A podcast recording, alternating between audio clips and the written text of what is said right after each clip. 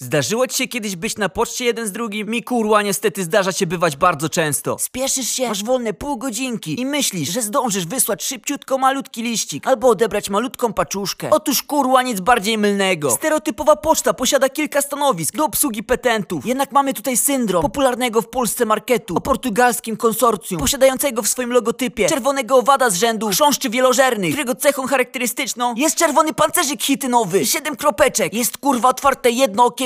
Jedno, nie mniej, nie więcej. Jeżeli któregoś razu wejdziesz i będą dwie grażyny na dwóch okienkach, to czeka cię delikatna niespodzianka w postaci. Mam przerwę. Proszę do okienka obok, piję kawę. Palę, sram, palę i sram. Nakurwiam pieczątki. Robię z twoich listów poleconych modele Hindenburga. Siedzę na piździe za pieniądze podatnika XD. Zapytasz, jak za pieniądze podatnika? Otóż kurwa bajecznie prosto. Posadka urzędnika pocztowego jest opłacana z podatku, które płacisz ty, więc tak jakby jesteś panem jego życia i śmierci. Dobra, dobra, finanse na bok. Przechodzimy do meritum. Wchodzisz na pocztę. Zgodnie z prostym schematem opisanym powyżej. Otwarte jest kurwa jedno okienko. Jedno, nie mniej, nie więcej. Ustawiasz się w kolejce dorównującej tym podset za komuny. Przed tobą jest tabun pierdolonych, śmierdzących, sapiących, umierających starych bab. Jebanych, opłacających kurwa rachunki o siódmej rano w środę. Albo wysyłających karteczki z kawusią do sąsiadki z drugiego końca miasta. Ja pierdolę, trzymajcie mnie i spójrzcie na kalendarz. Co tam zobaczycie? 2023 rok, XXI wiek, a ludzie kurwa robią opłaty na poczcie za pomocą papierowych rachunków. Jakbyś pokazał takiej starej kurwie bankowość internetową albo bankowe aplikacje na telefon, za pomocą których możesz wykonać w kilka sekund, jeszcze mniej kliknięć, przelew w dowolne miejsce na świecie, na dowolną kwotę, ograniczoną twoją chujową emeryturą, otrzymaną za zapierdalanie 100 lat przy azbeście. To taka stara rura, jedna z drugą, zaczęłaby skakać, drzeć mordę, ślinić się, napierdalać łbem o podłogę, jak te małpy w zoo. Jedyną styczność z technologią mają jak któraś z nich w końcu ląduje pod respiratorem. A już kurwa telefonu z dotykowym ekranem, a nie internety. Nie widziały na oczy. Jakie oczy? Powiedziałem na oczy? W życiu czegoś takiego na czujki swojej nie widzieli, bo nie mają czujki takie ding ding, jak mrówki kurwa, jak karaluchy, inne robactwo, biedaki kurwa. Nie da się pominąć faktu, że to jest takie zacofanie i ociężłość umysłowa, że co tydzień na National Geographic emitowany jest specjalny program pod tytułem Patologie społeczne w krajach trzeciego świata. Wracając, w kolejce stoisz 400 lat, bo Grażyna na oknie, zamiast spiąć pizdę, pracuje jakby była po miksie. Alprazolamu z kodeiną, zarzuconą per rectum. Po tym bliżej nieokreślonym czasie stania w kolejce, gdy ty zdążyłeś obmyślić każdą sekundę twojego chujowego życia, każdą zmarnowaną szansę i każdą źle podjętą decyzję, nadchodzi ten długo wyczekiwany moment chwały. O, bardzo mi przykro, ale polisto pan musi jutro podejść, bo jeszcze listonosz na mieście. Kurwa jutro, mam tu przyjść jutro Tylko po to, żeby powtórzyć jeszcze raz Cały ten zabieg skurwienia umysłowego Żeby dostać kawałek pierdolnej kartki A kurwa! O, adres musi pan przepisać na moją kartkę z kodem kreskowym z NASA. Kod z NASA dla zmyłki Żebyś myślał, że dojdzie tak szybko jak rakieta Ale tak naprawdę to przekaz podprogowy Że twój list zostanie wypierdolony w kosmos I nigdy nie dojdzie Proszę tu dla pana długopis i zapraszam do stolika, a potem na koniec kolejki XD. Spoko, dobrze, że mam w chuj wolnego czasu I wcale mi się nie śpieszy Ma być ostrożnie? Nie, proszę pani, nie trzeba Jest dobrze zapakowane Nie będę dopłacał kilku złotych skurwielom XD